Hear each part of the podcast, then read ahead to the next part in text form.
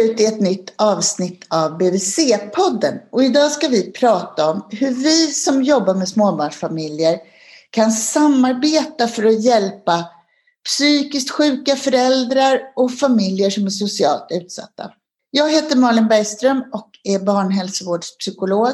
Och idag pratar jag med Lotta Limfors som är vårdutvecklare och barnsjuksköterska på barnhälsovårdsenheten i Stockholm och som har startat de här teamen.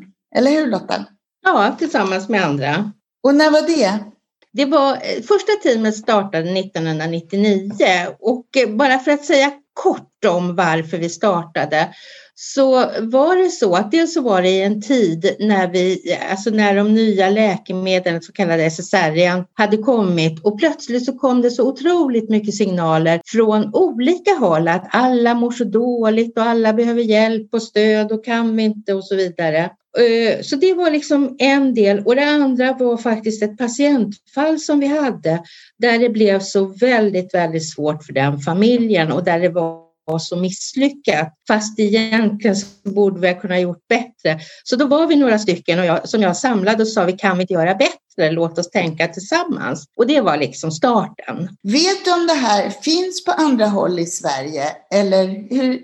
För jag vet ju att det finns jo, det... regioner som jag har kontakt med där det här saknas och där var och en kan sitta ganska ensam med en familj som man är orolig för och skulle vilja hjälpa. Absolut, och det finns alltså inte exakt på samma sätt. Eh, för det här måste ju också lokalanpassas utifrån förutsättningar som finns. Men i Malmö finns ju det som kallas för Almagrupper. Eh, vi har på, i delar av Jönköpings region, där vi faktiskt varit med och startat, finns det. Jag vet att Dalarna är på gång med något snarlikt och det finns på olika ställen, skulle jag absolut vilja säga att det gör. Men jag tror att nog att jag vet fler som saknar än där det finns. Du, innan du berättar vad, exakt vad tvärprofessionella samverkansteam är för någonting, så vill jag bara fråga om det stämmer det jag sa i början, att man arbetar, att man samarbetar för att hjälpa psykiskt sjuka föräldrar eller om det här faktiskt handlar om psykiskt sjuka mammor. Jag skulle vilja säga föräldrar, fast 99 procent är mammor. Men vi har definitivt haft pappor med, men de är liksom, ni vet, på ett år så är de liksom räknade på en hand. Du, berätta nu, vad är, de, vad är det här för team? Vad, vad är, betyder det här? Vad gör ni? Nej, men det här är ett team som träffas i princip en gång i månaden. Vi brukar säga nio gånger per år för vi brukar uppehåll kanske kring jul och sommar. Och i teamet så ingår vuxenpsykiatrin, barnpsykiatri, socialtjänst, mödra och barnhälsovård. Och då är det ett, ett team leds av en teamledare. Ofta är det ledaren ifrån BVC eller mödravården. Det ska vara fasta deltagare, man ska ha en representant. Jag brukar säga att man bör sitta minst ett år i taget för att det, det liksom tar ju tid att arbeta upp sig med varann. Och det här är inga behandlingsteam utan det är konsultationsteam. Ja, det betyder att eh, man kan inte liksom lämna över till teamet och säga varsågod och ta hand om den här eh, patienten. Jag, jag, brukar faktiskt i de här sammanhangen så brukar jag prata om patienter därför att man är sjuk. Ofta, eller gärna en gravid, för det är ju det är en fördel om psykisk ohälsa eller sjukdom upptäcks redan under graviditeten. Eh, men det kan ju absolut vara så att det faktiskt begyn, eller börjar efter, postpartum, alltså efter födelsen. Och då kan man absolut, eller bli upptäckt där, då kan man absolut aktivera den då. Men då går det till så att eh, den som upptäcker eller den som blir, kommer i kontakt med patienten som mår dåligt berättar om det här teamet, vad det är för någonting och ber om lov att få berätta henne, jag, jag, pratar, jag säger henne nu, då, hennes historia där, för att få det allsidigt belyst ur de här fem perspektiven och se på vilket sätt kan vi på bästa sätt hjälpa dig och din familj. Och det kan vara såna enkla åtgärder som att man, det, man kanske redan idag har kontakt med både socialtjänst, psykiatri och mödravård. Och då är det jätteviktigt att ha ett stöd som är kontinuerligt så att inte patienten träffar alla tre vid samma tillfällen eller dagarna efter varann och sen lämnas man utan stöd under en hel månad. Så det, det, är en sån här enkel åtgärd att säga, vad bra om ni träffas, så då träffar jag henne vid andra tillfällen. Men sen är det ju också så att eh, det är viktigt då att man kan prata med varandra så att man inte blir kontraproduktiv, om jag får uttrycka mig så, i sina eh, råd och tankar och samtal. Eh, så det tycker jag är viktigt att veta att ja, det här vet jag, det här är du, det som du berättar för mig nu, det förstår jag att, eller det, det är väl så att du också pratar om det här på psykiatrin. Eller med din behandlingsperson på psykiatrin. Ja, det gör jag. Okej, ska vi göra så idag att vi funderar lite grann på hur det är för dig att vara gravid och att vi har lite fokus på det. Så att för det, det, är ju så att när man själv har psykisk ohälsa så är det väldigt lätt att lägga ut sig på väldigt många personer. Och det, så att, ja, nu blir jag ju också väldigt eh, kanske för detaljerad men, eh, men ändå så tror jag att jag behöver säga det att eh, när man sitter som barnmorska eller BVC-sjuksköterska så har man ett specifikt uppdrag, antingen kring graviditeten eller kring barn, barnet och barnets väl och ve. Eh, men när det är för svårt runt omkring i den sociala situationen så är det väldigt lätt att hänt att det är det man hela tiden pratar om. Så tanken är liksom... att jag ska vara trygg med att jag gör mitt för att jag vet att de som är duktiga på det där och hjälper till med det, de gör det. Ja, absolut. Så är det. Absolut. Och det är en jätteviktig del. Du Lotta, jag, jag sa i början att det var psykiskt sjuka föräldrar, mammor och socialt utsatta familjer. Men är det så att det är psykisk sjukdom hos föräldrar, det är det som är inträdesbiljetten. Om jag bara har det rörigt runt omkring mig men egentligen är frisk, då tas jag inte upp här. Och det där är, skulle jag svara både ja och nej på. Ja, i områden eh, som är socialt väletablerade, där är det så. Är det bara, soci bara eh, socialt trassel så tas du inte upp. Eh, men i områden där det bor väldigt många föräldrar med stora sociala svårigheter eller där brist på bostad, brist på uppehållstillstånd och så vidare, så är det väldigt svårt att veta vad som är hönan och ägget. Och, eh, och, där blir det, och där är det extra viktigt skulle jag vilja säga, för att då kan det upplevas som, hade jag bara en bostad, hade jag bara någonstans att bo, så skulle jag inte må så här. Men, så att man kan liksom inte, man måste jobba både socialt och med psykologiskt stöd parallellt. Du sa så här att det blir konsultativt, jag kan få andras perspektiv och lita på att andra tar hand om det som inte egentligen är mitt bord professionellt och så. Men är det också så att man gör mycket vårdplanering tillsammans? Absolut, absolut. Tack för att du tar upp det. Det är ju absolut en, ett sådant syfte, speciellt skulle jag säga med de svårast sjuka.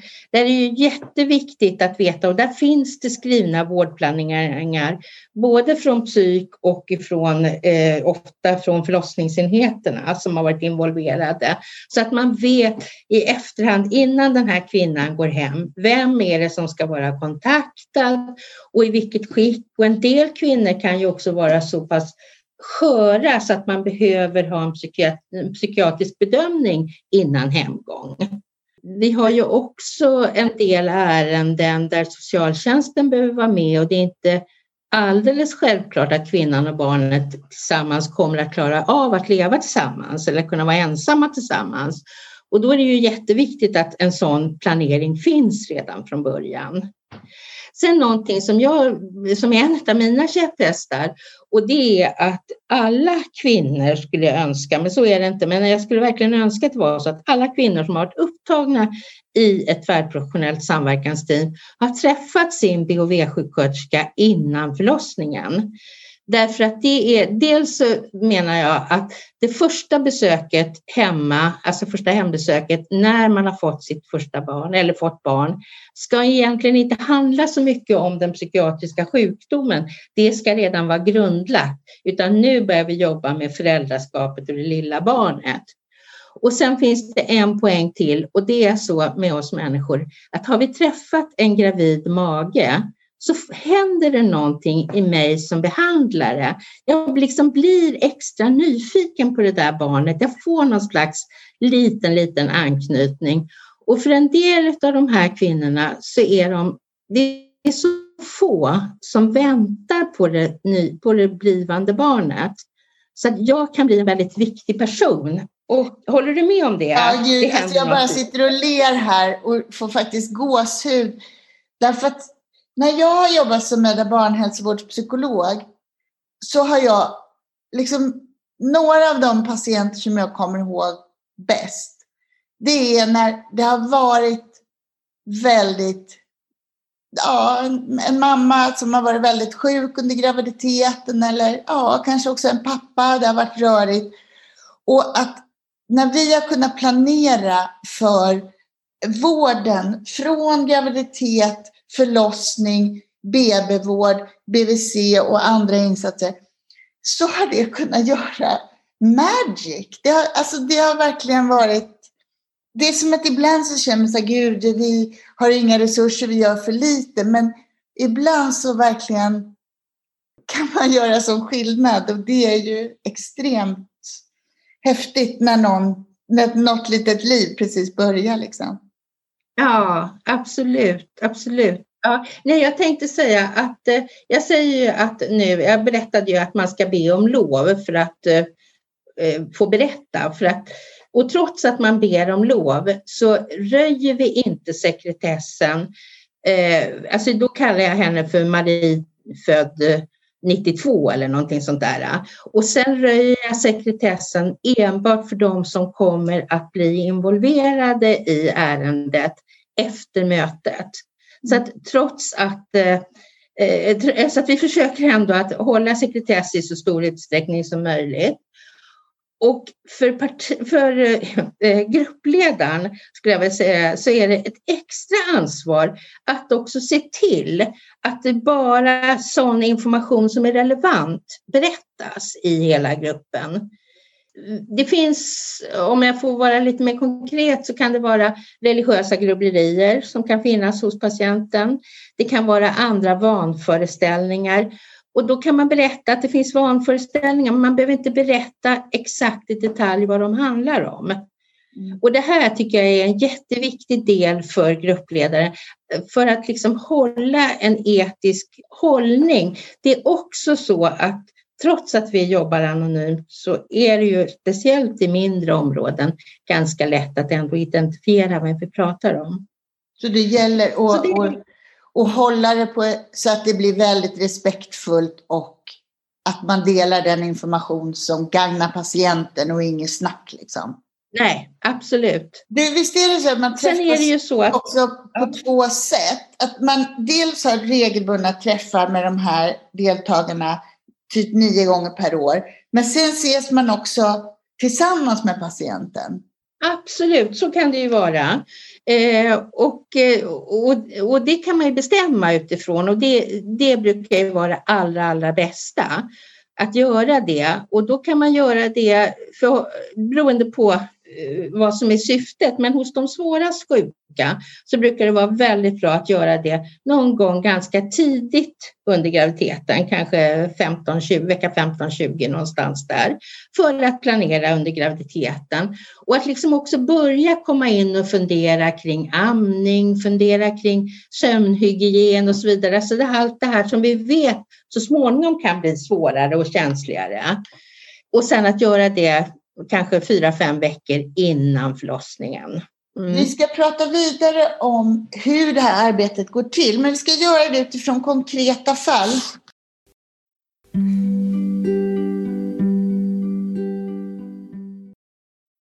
Anna är 35 år och väntar sitt första barn. Hon är gravid i vecka 14, tror hon. Hon är rädd för att gynundersökas och har ännu inte kontaktat mödravården. Hon är särbo med Tobbe som hon känt i drygt ett halvår. Anna har ny, ganska nyligen kommit tillbaka efter en längre tids sjukskrivning. Hon gick in i väggen efter en strulig arbetssituation och en komplicerad kärleksrelation. Hon har nära släktingar men kontakten är av och till lite kärv. Anna har en långvarig behandlingskontakt på psyk, är insatt på antidepressiv medicin och mår ganska okej. Okay. Men både hon, Tobbe och hennes behandlare bedömer situationen som skör. Det finns en oro över att Anna på nytt ska bli lika svårt deprimerad som hon var för drygt ett år sedan. Anna och Tobbe är båda ambivalenta inför graviditeten. Pendlar mellan glädje, ånger och tvivel på sin föräldraförmåga. Tobbe har en sexårig dotter som han inte haft någon kontakt med på två år. Han plågas av dåligt samvete över detta.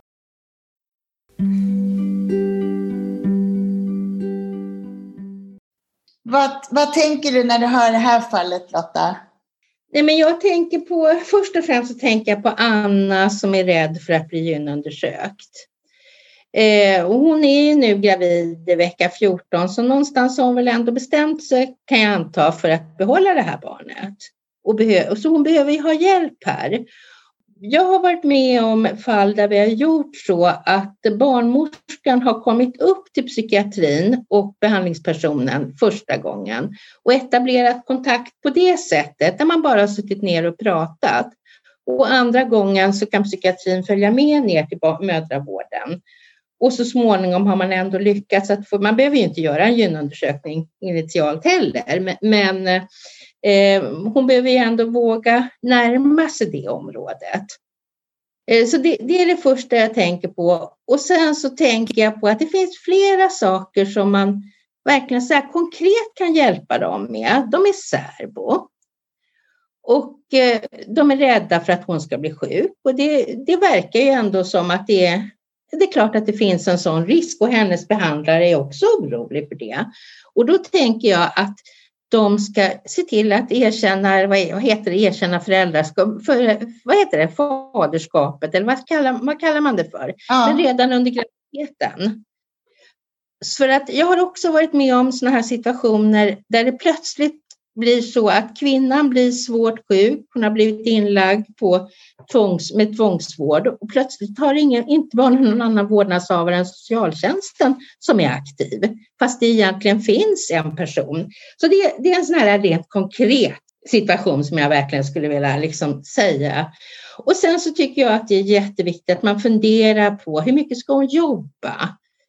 Alltså, så att man verkligen liksom månar om henne och, och de resurser hon har.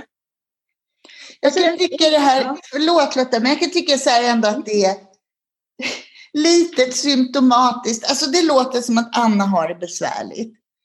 Men jag mm. tänker, om jag ska se det här ur ett barnperspektiv, så hör jag hur Tobbe har det. Anna mm. har dåliga erfarenheter av kärleksrelationer sedan tidigare. Det betyder att hennes tillit till Tobbe kanske inte är jättehög.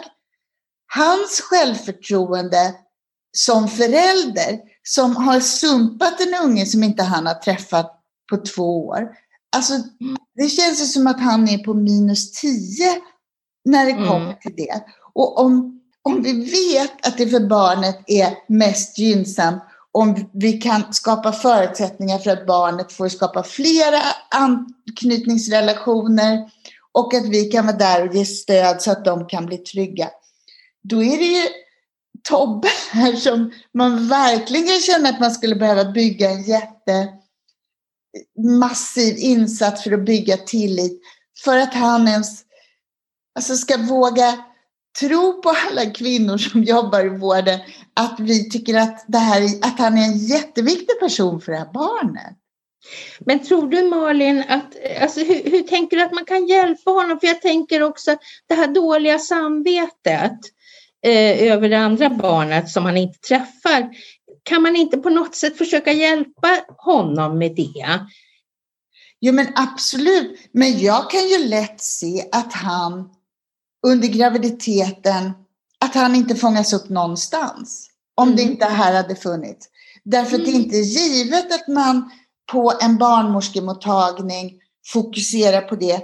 eller ens träffar honom och tar upp det här. Alltså hur är det här för dig att få barn i en ny relation som ett särboförhållande och ni har bara haft ett halvår på er, inte ens det när ni blev gravida.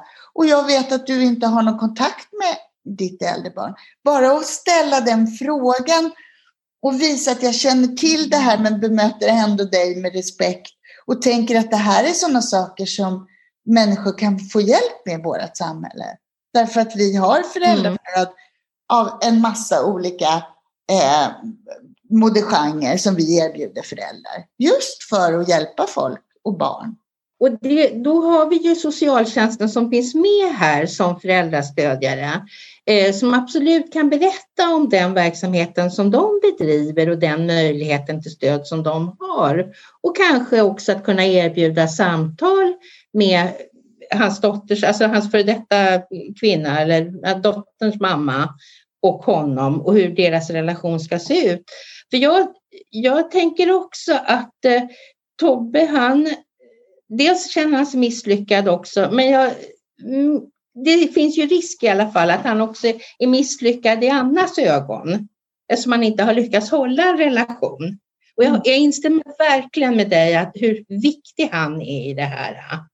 Och där vet vi ju att när kvinnor, när mammor inte känner tillit till pappan eller till den andra föräldern, då fungerar det som en liksom gatekeeping för kontakten mellan barnet och pappan eller den andra föräldern. Så det är också en jätteviktig grej att jobba med. Och när du säger gatekeeping Malin, vad menar du då? Kan du berätta lite om hur du förlåt, det där är sånt där uttryck som man använder. Förlåt, det, det betyder att, eh, att jag som mamma kan försvåra pappans kontakt med barnet genom att jag inte har tillit till honom och hans föräldraskap. Och när det krockar med ett dåligt självförtroende i föräldraskapet, då finns det risk att barnet inte får en nära relation till sin pappa. Och det är sådana Mm. där mekanismer som man måste vara medveten om och gå in och jobba med för att Mm. och stärka det. Min erfarenhet är också att eh, när, i och med att Tobbe börjar ta tag i sin relation och sin, sin, sitt förhållande med sin andra dotter så stärker det Anna också. Alltså trots att på något underligt vänster så blir det så att hon liksom hon, hon känner sig stärkt i sitt föräldraskap. Så att jag, jag tror absolut, och jag tänker att i det här teamet så finns det mycket att jobba med. Eh, dels så behöver både Anna och, alltså Anna behöver hjälp med, med sin rädsla för att, träffa, för att un- gynundersökas. Och Anna hon behöver ha en regelbunden kontakt med sin behandlare på psyk. Och hon behöver träffa sin, både hon och Tobbe behöver träffa sin BHV-sjuksköterska. Och det kan vara så att Anna också behöver hjälp att få titta på förlossningsavdelningen innan hon ska föda. Det, det vet vi inte, men det, det står inte här. Men vi kan tro att det kan finnas en förlossningsrädsla också för henne. Sen är det ju inte helt ovanligt att när man har gjort sådana här välplaneringar att, det, att kvinnan och familjen mår ganska bra faktiskt under de första månaderna. Allting funkar jättebra. Eh, och alla resurser dras ifrån därför man tycker nu behövs inte det här längre.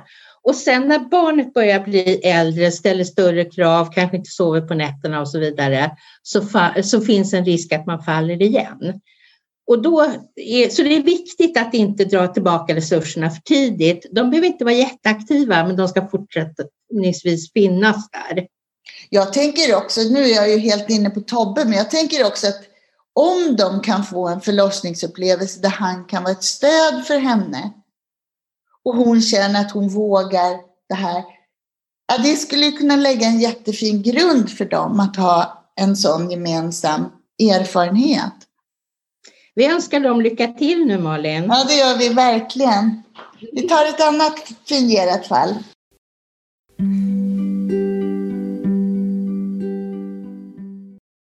Lisa och Pelle väntar sitt andra barn. De lever i en stabil relation med ordnade yrken och bor i villa tillsammans med Kim som nu är fyra år. Både Lisa och Pelle har en god relation med sina föräldrar. Kim älskar att vara med både mor och farföräldrar. Livet skulle vara på topp om inte Lisa hade blivit så sjuk efter att Kim föddes och egentligen under hela hennes första år. Lisa fick då diagnosen bipolär sjukdom och är nu insatt på litium. Några veckor efter förlossningen blev Lisa manisk. Alla tänkte att hon var så överlycklig och energifylld men efter ett par veckor gick allt överstyr och Lisa blev svårt deprimerad och lades in på psykiatrisk klinik. Hon behandlades med elchocker och fick god hjälp att tillfriskna. När hon kom hem började Kim att skrika så fort Lisa tog i henne. Kim ville bara vara med Pelle och mormor. Lisa kände sig så misslyckad och fick på nytt tankar på att ta sitt liv. Lisas närstående blev återigen förtvivlade och Pelle började tänka på att det kanske skulle vara bättre om han och Kim bodde ensamma. Lisa och Pelle hade bra kontakt med Lisas behandlare på psyk som hjälpte dem till en samspelsbehandling på BUP. När Kim var 18 månader började hon på förskolan och Lisa började arbeta deltid igen. Pelle jobbar 90 procent ända sedan föräldraledigheten. Lisa och Pelle längtar efter fler barn men är livrädda för att det ska bli som förra gången eller kanske ännu värre. För en vecka sedan hade de en familjemiddag och berättade att de väntar barn. De uppfattade båda hur oroliga deras föräldrar blev fast ingen ville visa det. Efteråt kände sig Lisa så sårad och misslyckad och funderade på att det bästa ändå kanske vore att göra en abort.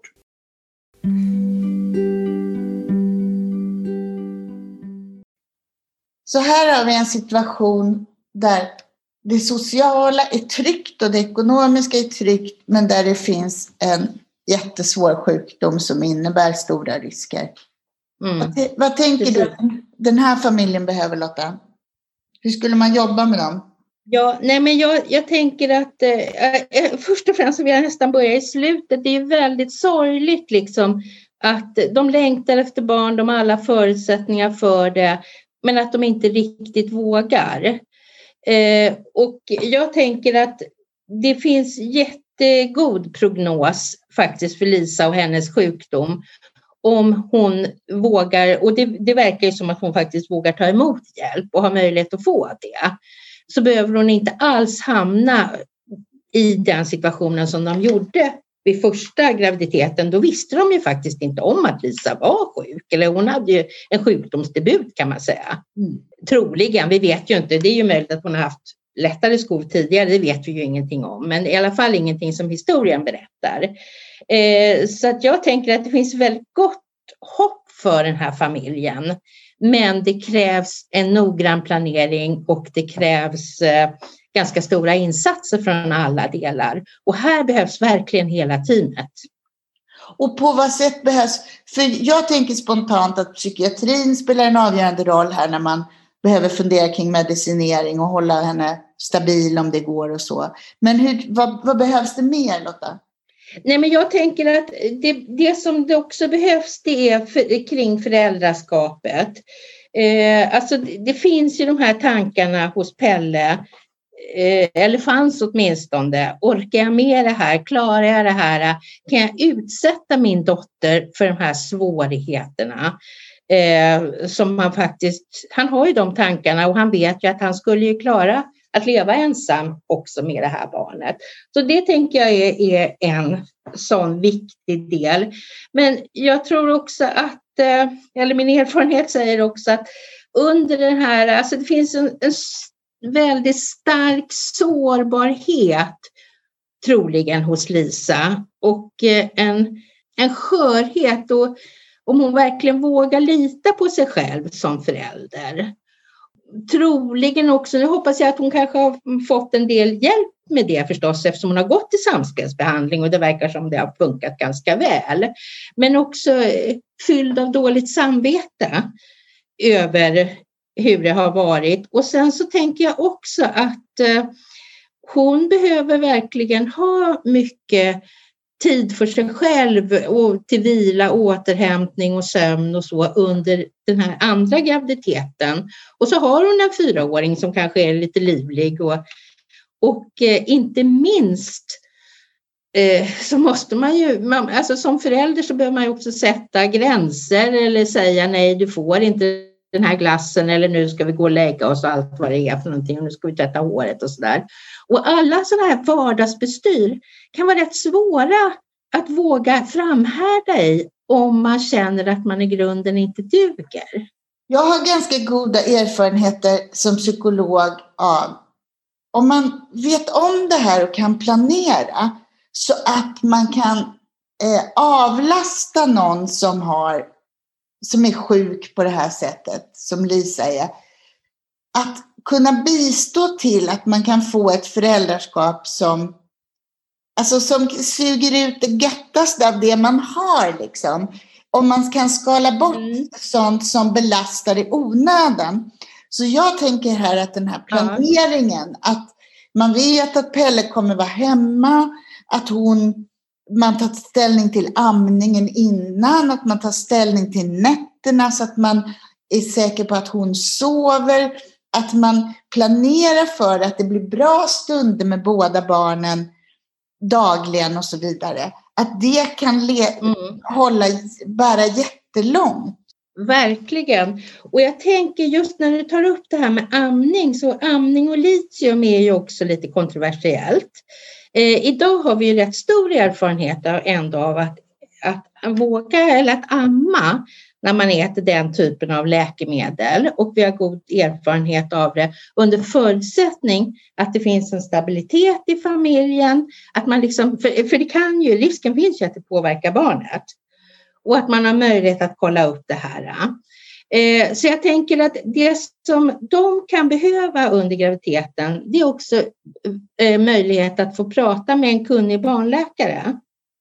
För att också våga, det kan ju vara en stark önskan att amma och att våga amma, men i det här just för Lisas del så är inte jag hundra på att det bästa för henne är att amma helt, utan det kanske är så att hon ska stötta upp med lite tillägg eller ersättning under natten som Pelle kan ge. Eller när det nu passar. Det kan ju vara tidigt på kvällen eller ja, det spelar inte så stor roll. Men att hon kan behöva ha en längre period av sammanhållen sömn. Och sen tänker jag på det, om hon har goda erfarenheter av den där samspelsbehandlingen med Kim.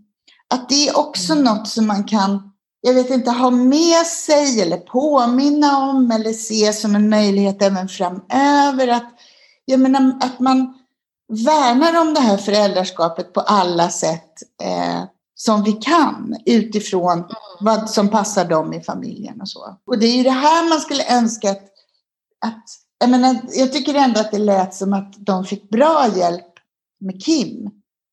Och det är väl också ett kvitto på att de våga skaffa ett barn till. Men man skulle önska att det här, mm. så här skulle jag ju vilja att det såg ut för alla, både mammor och pappor. Att man var noga med liksom, mm. att få till föräldraskapet. Du som har jobbat med samspelsbehandling, jag tänker, man måste ju ändå kan man säga vara tillräckligt frisk för att kunna tillgodogöra sig en sån behandling, mm. för att det är ju ändå ganska krävande.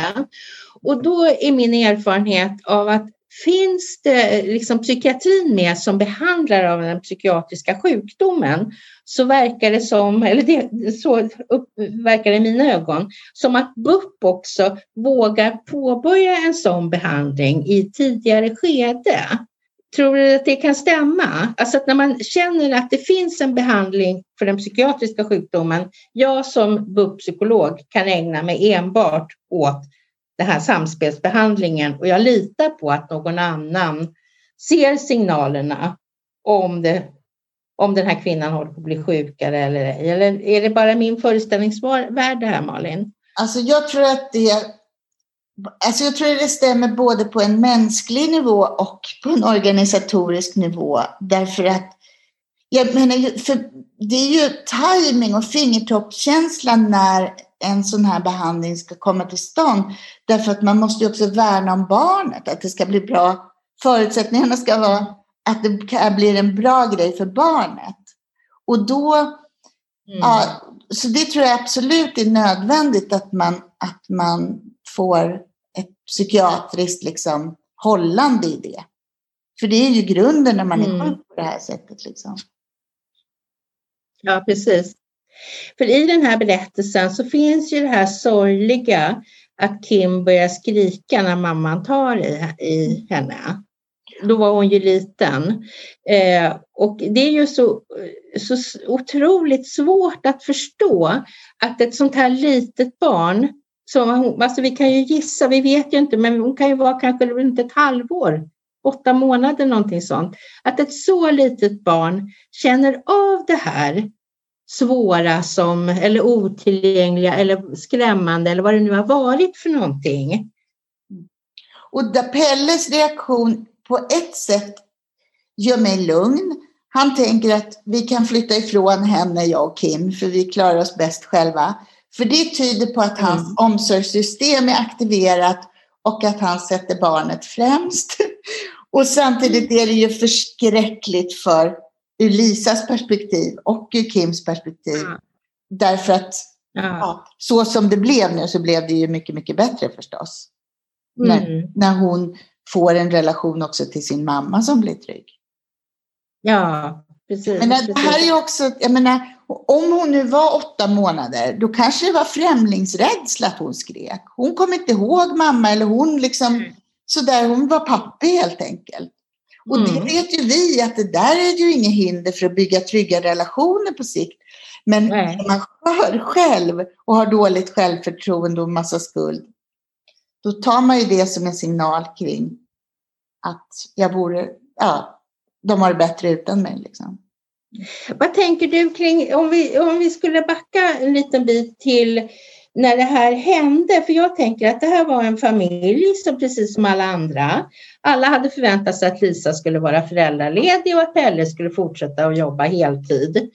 Och sen så inom loppet av bara några veckor så ställs allt på ända och Pelle behöver avsluta sitt jobb och vara föräldraledig under en väldigt lång period. Eh, vad tror du att vi hade kunnat, ja, det står ingenting om att Pelle fick så mycket hjälp i det, men vad tänker du att han hade kunnat behövt? Det är inte bara så att hans liv ställs om, han är ju också livrädd för sin frus skull. Det här är ju oerhört. Ja, Dels är det en farlig sjukdom när den tar sig de här uttrycken när man har ett så här litet barn. Och sen är det en fullständig chock när ens älskade partner plötsligt tappar det liksom, som det här innebär. Det är ju fruktansvärt. Så att han mm. Det är möjligt att han behöver föräldrastöd, det vet jag inte, men han behöver ju stöd som anhörig till en psykiatriskt sjuk partner som också då har kännedom om hur det är just när man är alldeles nybliven förälder, när hela världen ändå är upp och ner. Vad tänker du? Och det är ju, ja, jag tänker precis som du. Jag, dels så tänker jag att han behöver ha en, en, en liksom stadig kontakt med sin BHV-sjuksköterska och att ha möjlighet att få komma eh, lite tätare så där att man är noga med att man inte Ibland så kan man ju säga så här att eh, ska vi ses igen om en månad eller vill du säga så oftare? Men man kan säga vi, kan, vi, vi ses igen om tio dagar. Mm. Utan att det behöver vara så mycket märkt. Att man liksom får den möjligheten att komma ganska tätt. Det tänker jag också. Men sen så tänker jag också att det är ju jätteviktigt för honom att han också får en god eh, information från psykiatrin och får anhörigstöd och det har han ju rätt till att få mm. där. Men, men eh, jag tänker återigen att vi önskar dem lycka till och jag tror att de har alla möjligheter för att det här ska gå jättebra. Men de behöver hela teamets stöd. Och vi blev, inte, vi blev glada att, de, att det där de berättade vid middagen, att de skulle få ett barn till. Absolut, och det blev nog hennes föräldrar eller deras föräldrar också, men man förstår också hur rädda de blev. Ja. Vi har ett fall till.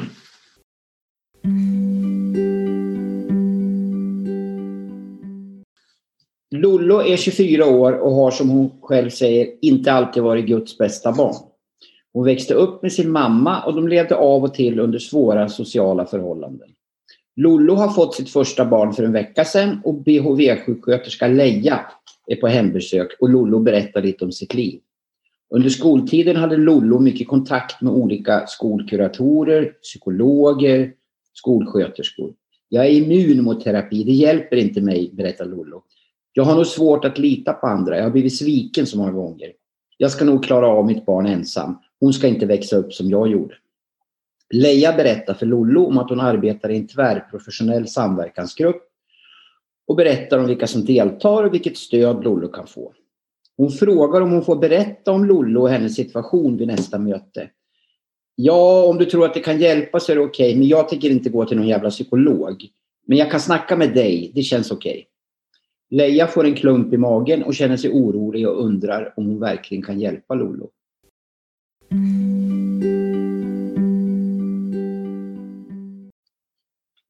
Ja, det är lätt att få en klump i magen, eller hur Malin? Ja. Jag tänker också det här, alltså det man vill ta fasta på det är det hon säger, mitt barn ska inte växa upp som jag gjorde. Mm, mm. Gulp känner man och så känner man att nej, men det ska vi verkligen hjälpa dig så att det inte blir mm. Men man måste också vara ärlig och säga, i alla fall måste jag det och säga att jag känner ju en jättestor risk att det faktiskt inte blir så. Utan att det här barnet kommer ha det svårt under sin uppväxt också. Och här fanns det ingen pappa utan hon var själv? Ja, i alla fall så vet vi ju inte om det finns någon pappa. Det, det är i alla fall inte beskrivet någon pappa. Vi ska ju säga att det här är ju fingerade fall. Eh, alla barn har ju en pappa, men... Hur gör du som BHV-sjuksköterska där Lotta? När det är så att hon säger att är, eller hon säger inget om pappan utan det är hon och, och lilla dottern liksom. Vad säger du då? Frågar du om honom eller? Ja, det gör jag absolut. Och det kan ju vara så att det faktiskt är lite oklart vem som är, att det kan ju finnas flera potentiella. Och då tror jag nog att jag håller truten fram till dess att det är klart och färdigställt eh, vem som ändå är biologisk far. Eh, det finns eh, några olika tillfällen. Ett tillfälle då frågade jag faktiskt mamman om jag fick ringa upp den pappan. För jag sa att alla har ju rätt att få barnhälsovård. Och då gjorde jag det. Den pappan han var inte ett dugg intresserad. Eh, men han sa att det var bra att jag visste. Och han ringde faktiskt mig fyra månader senare när han hade ändå liksom börjat tänka och reflektera. Så att jag tror ändå att vi kan vara mycket mer aktiva och att vi kan så frön. Och eh, det är ju möjligt att, att det inte var mitt frö som sådde liksom, eller väckte hans föräldraskap, men när det väl var väckt så visste han ändå vem man skulle vända sig till. Mm. Eh, men jag tycker absolut att vi ska prata, att man måste prata om det och, eh, och ur barnets perspektiv, att barnet har rätt liksom till båda sina föräldrar. Och man har ju de föräldrar man har på något sätt oavsett hur struligt det är. Inte ett problem här, för jag tänker om jag var sjuksköterska och hon säger att jag kan prata med dig men inte med någon annan och nu ska det här bli mm. annorlunda än vad det var för mig. Eh, mm. Jag menar, då, någonstans så, så, känner jag att för att vi ska jobba för att det ska bli annorlunda, då skulle jag ju behöva en massa folk omkring dem. Det kan inte jag göra själv som BHV-sjuksköterska. Mm. Nej, men precis. Och, och det, det, är därför jag också får den där klumpen i magen, för jag känner också att det liksom vilar ju ett väldigt stort ansvar. Men jag skulle ju ändå vilja att Leia svarade den här mamman att, att på sikt, precis som du säger, att på sikt så tror jag att vi behöver vara fler. Men vi kan väl börja du och jag. Och eh, vi kommer, jag kommer inte ha någon terapi med dig, utan jag kommer, vi kommer prata om hur det är för dig och ditt barn och alla, ja, om bajs och kiss och mat och rap och sånt där. Eh, och, men vi gör det, vi träffas ganska ofta tycker jag till att börja med. Och vad, vad tänker du kring det? Och sen vill jag att du ska känna dig trygg med att ring mig om det är någonting. Även om det är något mitt i natten så kan du ringa på min telefonsvarare för jag lyssnar av den när jag kommer på morgonen. Och då bara säg ring mig så gör jag det. Men skulle du ändå, eller nu var det så att sjuksköterskan här bad att få ta upp henne i det här teamet, men hon ville ja. inte ha kontakt med någon annan, någon jävla psykolog. Mm. Men mm. då skulle det kunna vara ett stöd bara att jag som sjuksköterska har teamet omkring mig ifall det händer grejer som jag blir orolig för eller så. Ja, absolut. Och jag tror också att det som, hon, som Leia får med sig från teamet, det är att hon kan ändå få med sig vad har socialtjänsten att erbjuda i det här? Eh, och vad har, ja, om, om det nu är, vi vet ju inte hur stora eh, psykologiska svårigheter hon har, men det, vi kan ju ana ändå att det finns det, men det är möjligt att det inte är vuxenpsyk som behöver komma in här, det vet vi inget om. Eh, men jag tänker också att eh, det som är så, alltså det som är så skönt när man har en sån här familj som är så svår och som man känner att man är enda behandlare med, så är det så skönt när det finns några utomstående som man får berätta för och som kan hjälpa en att säga, men stopp, det där ska inte du prata om. Nej, eller stopp, du kan inte, det är inte ditt fel att hon blev arg på dig. Det var modigt av dig att du vågade ställa den här frågan. Hon kanske behövde våga vara arg. Håll ut lite till och så vidare. Så att jag behöver verkligen ha konsultation kring den här och det kan jag ju få i min vanliga BOV-konsultation. Men det som är specifikt här är ju att jag får det ur olika perspektiv. Och jag har också suttit på ett eh, möte, tänker jag, i, vid ett tillfälle när vi hade en tvärprofessionell samverkansgrupp, där socialtjänsten sa så här, stopp! Antingen gör ni en anmälan här och nu eller så lämnar jag det här rummet. För jag kan inte höra på den här historien mer. Det här är så pass allvarligt som det ni berättar. Och det var så himla hjälpsamt för den familjen, även om det naturligtvis blev ilska och kaos precis i samverkan, eller precis i det skedet. Men det, för den sjuksköterskan och faktiskt även för mig som var teamledare, som också hade följt det här ärendet ganska länge, vi hade liksom blivit så insyltade i det och försökte på alla sätt att hjälpa till. Och då var det så skönt med den här personen som sa stopp, det här, nu far det här barnet illa. Och när det gäller den här mamman och bebisen så kan man ju tänka att man egentligen skulle vilja ha socialtjänsten med tidigt. Jag tänker, jag tänker på det här väldigt speciella att varenda timme i det här lilla barnets liv är så betydelsefull just för att barnet är så litet och skört och i sån extrem utveckling. Den här lilla hjärnan skapas nu. Ja. Sen är den där balansen då mellan att inte skynda för fort och köra över folk och att inte... Ja, det, det är det som är så svårt. Och då tänker jag att man skulle vilja ha med socialtjänsten här för att ja, de ska slippa behöva falla på något sätt. Eller jag vet inte. Ja. Ja, absolut. Jag håller verkligen med om det. Men jag, håller, men jag känner också att eh, Lollo, hon är 24 år, hon är ändå förhållandevis ganska ung och väldigt ensam kring det här barnet. Så att det, det liksom, även om hennes egen mamma verkar ha varit ganska strulig så vet vi inte, det är inte säkert att hon lever ett struligt liv idag. Eh, och hon, det händer ju någonting med henne också när hon blir mormor. Eh, och den här pappan som vi inte vet någonting om. Jag tänker att kring den här lilla bebisen så behövs det flera vuxna personer. Mm. Och det tror jag verkligen att socialtjänsten skulle kunna hjälpa till med också. Och det är ju en ganska konkret sak som man kan säga till Lollo att att bebisar behöver det och nyblivna föräldrar behöver det. Man behöver vara flera mm. och få lite stöd. Ja, absolut. Ja, absolut. Jag på en annan sak Lotta och det är om jag ska mm. säga någonting om att jag som sjuksköterska tittar på barnets utveckling och tittar på samspelet mellan henne och barnet. Hur mycket ska jag kommunicera kring det? Därför det är ju någonting som jag kommer göra extra mycket när jag vet mm. att det här är lite skört och skakigt. Mm. Jag kommer ju vara på tårna för att inte ja. missa hur de har det. Ja, precis. Ja, vilken svår fråga du ställer mig, Malin. Jag vill ju inte att Lollo ska känna att, jag, att hon blir bedömd. Det vill jag ju inte. Men samtidigt så vill jag ju ändå kunna säga att, eh, till Lollo att men, när du klär på henne så ser ju jag hur fin kontakt ni har. Och jag ser ju liksom vad glad hon blir när du närmar dig henne. Och det verkar ju nästan som att hon till och med förstår att du ska sätta på andra strumpan och sådär. Alltså den typen av, av, det vill jag ju säga. Men jag vill ju inte säga att jag liksom gör en bedömning. Eller vad tänker du?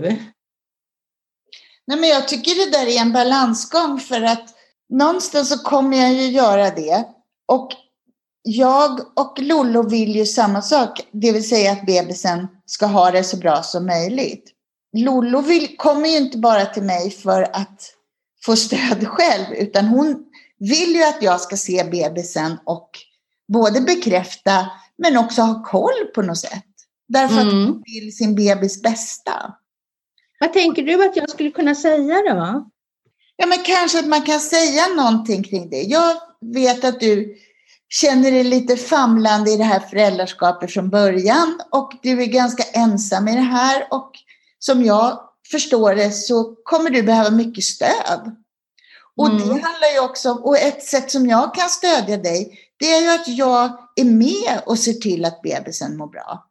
Och mm. ser jag saker som jag blir orolig över så säger jag det. Du kan lita på det och så får vi lösa det på något sätt. Liksom. Mm. Vad enkelt det låter när du säger det. Ja. Det låter, ja, men det låter, det låter schysst också tycker jag. För jag, tycker, på något sätt. jag tycker att man skulle vilja vara schysst och liksom tala till den här goda föräldraomsorgen i Lollo. Och, och liksom etablera kontakten på det sättet med henne som en bra mamma. Snarare mm. än att jag ska ha en agenda bakom ryggen på den här strulmajan. Mm. Ja.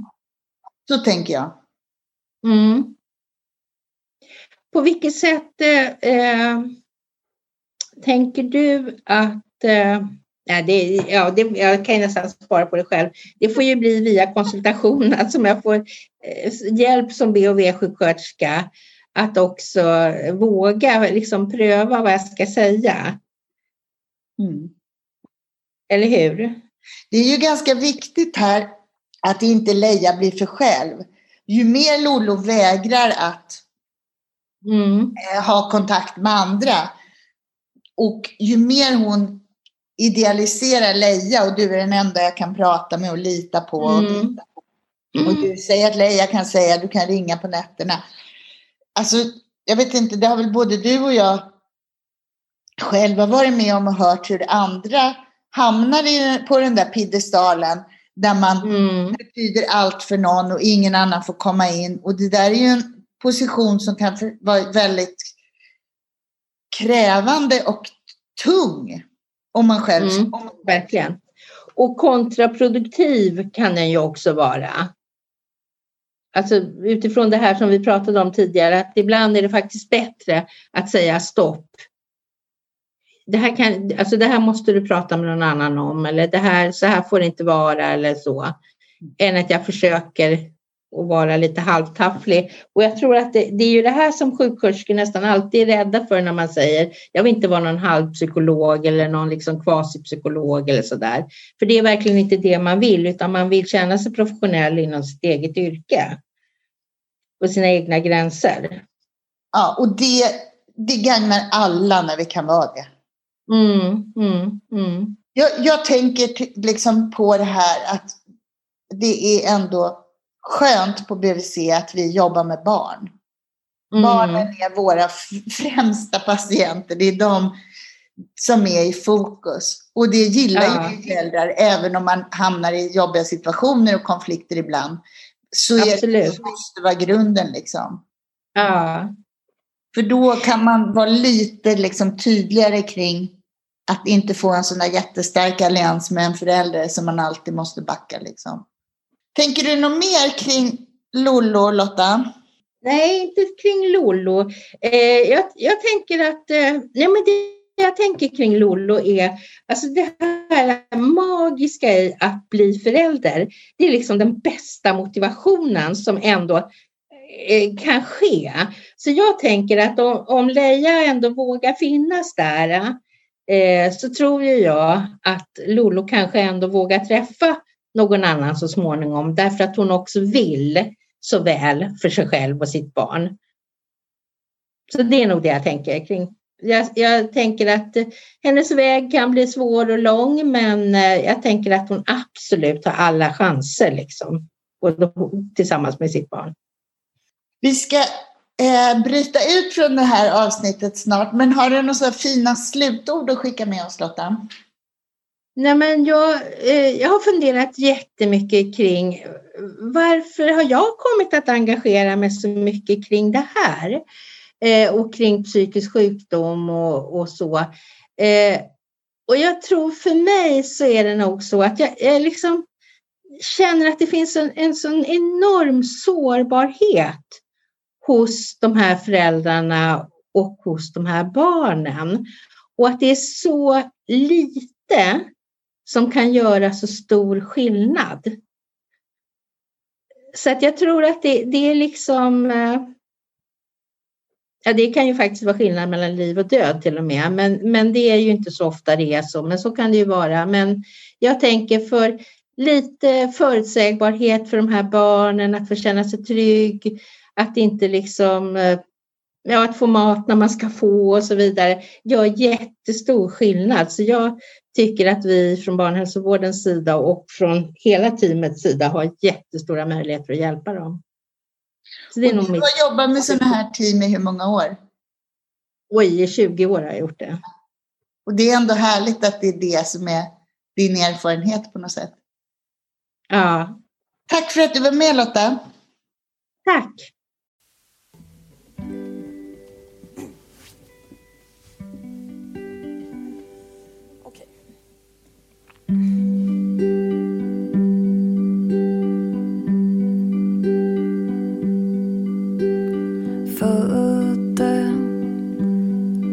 Till Björn Olsson.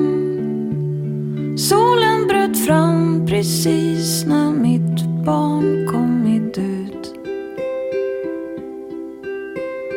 Låg i en pöl av svett och blod. Barnmorskan sa jag såg din spelning på Luleå kulturhus. Hörde fåglarna sjunga om